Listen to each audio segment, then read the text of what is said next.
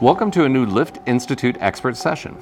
In this podcast series, experts from all around the world share their knowledge, experience, and views on different vertical transportation subjects. Now, Lift Institute's main goal is to make the world's elevators safer, and one of the best ways it can do that is by sharing its inspection knowledge around the world. For example, to Finland, where Sami Juutinen and his companions founded Lift Institute Nordic. Sami is joining us from Helsinki, and we'll talk about his experience with this new startup. Welcome, Sami. Good to be here. Yes. Now, uh, I will confess that I do not have expertise in elevators, and I'm wondering what led you to start this company.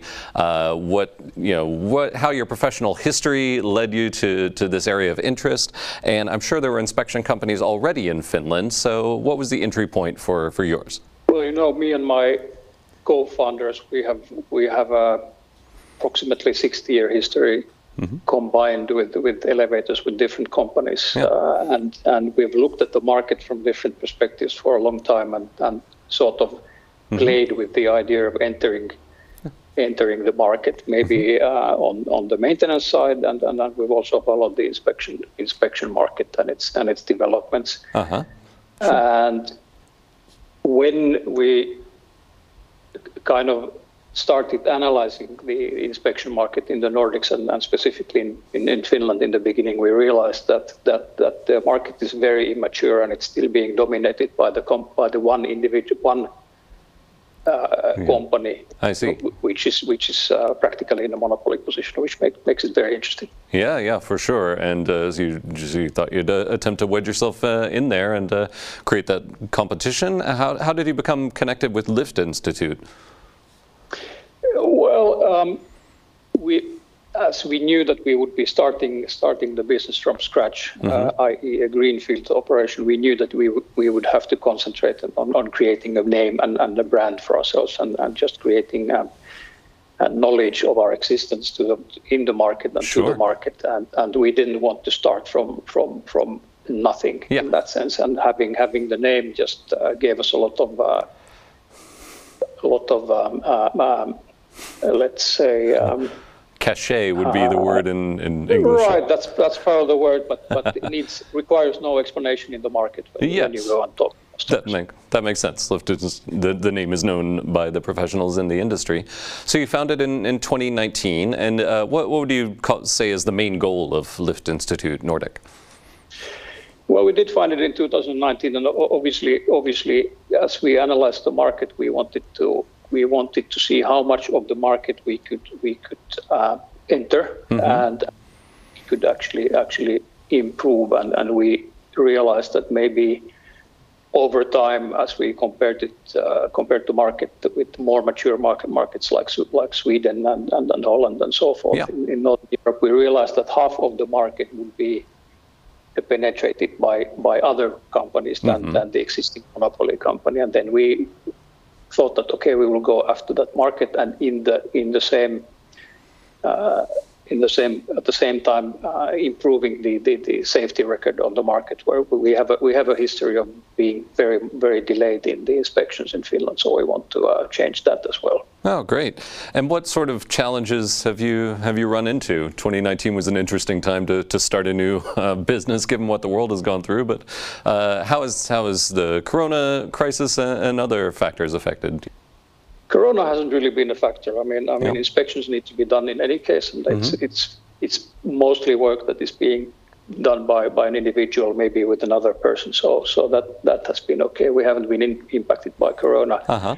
but obviously we've been impacted by everything else. Mainly mainly the fact that we've started from scratch. So, yeah. so you, you have to you have to get going very very quickly. Your cost starts running immediately, but your income may or may not come later. So you need to start with customer acquisition and mm-hmm. and hit the ground running, as as, as you say, and, and, and that's obviously the main main main challenge what we've faced. But but we've we've dealt uh, okay with it, and we're now yeah now in a position where where we we can uh, we can. Um, uh, uh generate uh, enough cash flow, cash flow to, to cover our cost and even more so. So we're in a growth growth, growth phase now. Good to hear. yeah. Yeah, congratulations for that. And you mentioned the, the maturity of the market in Finland. Can you talk a little bit more about how the, the Finnish market differs from the rest of, of Europe?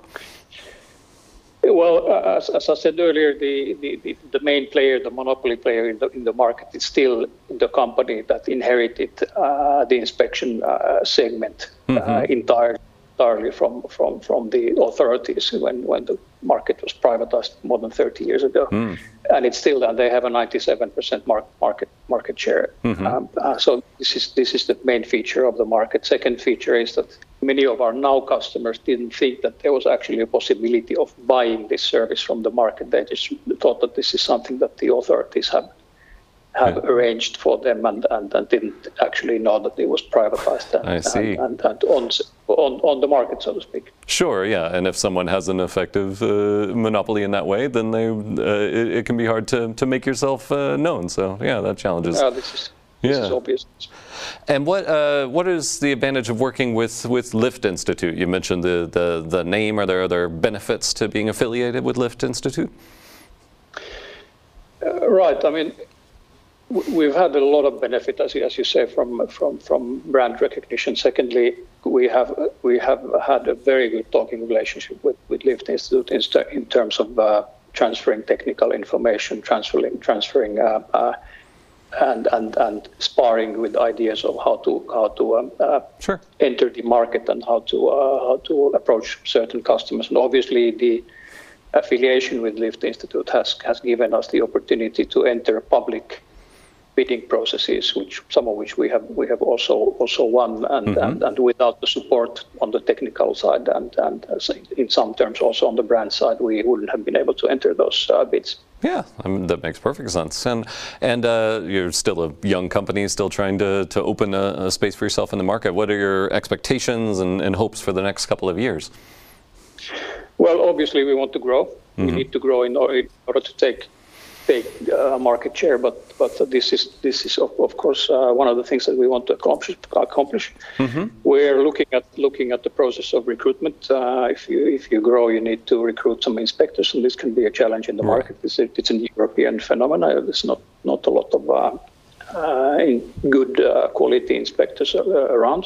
Mm-hmm obviously we want to extend our technical capabilities and, and also to uh, expand our geographic uh, area of operation. Oh, that makes sense.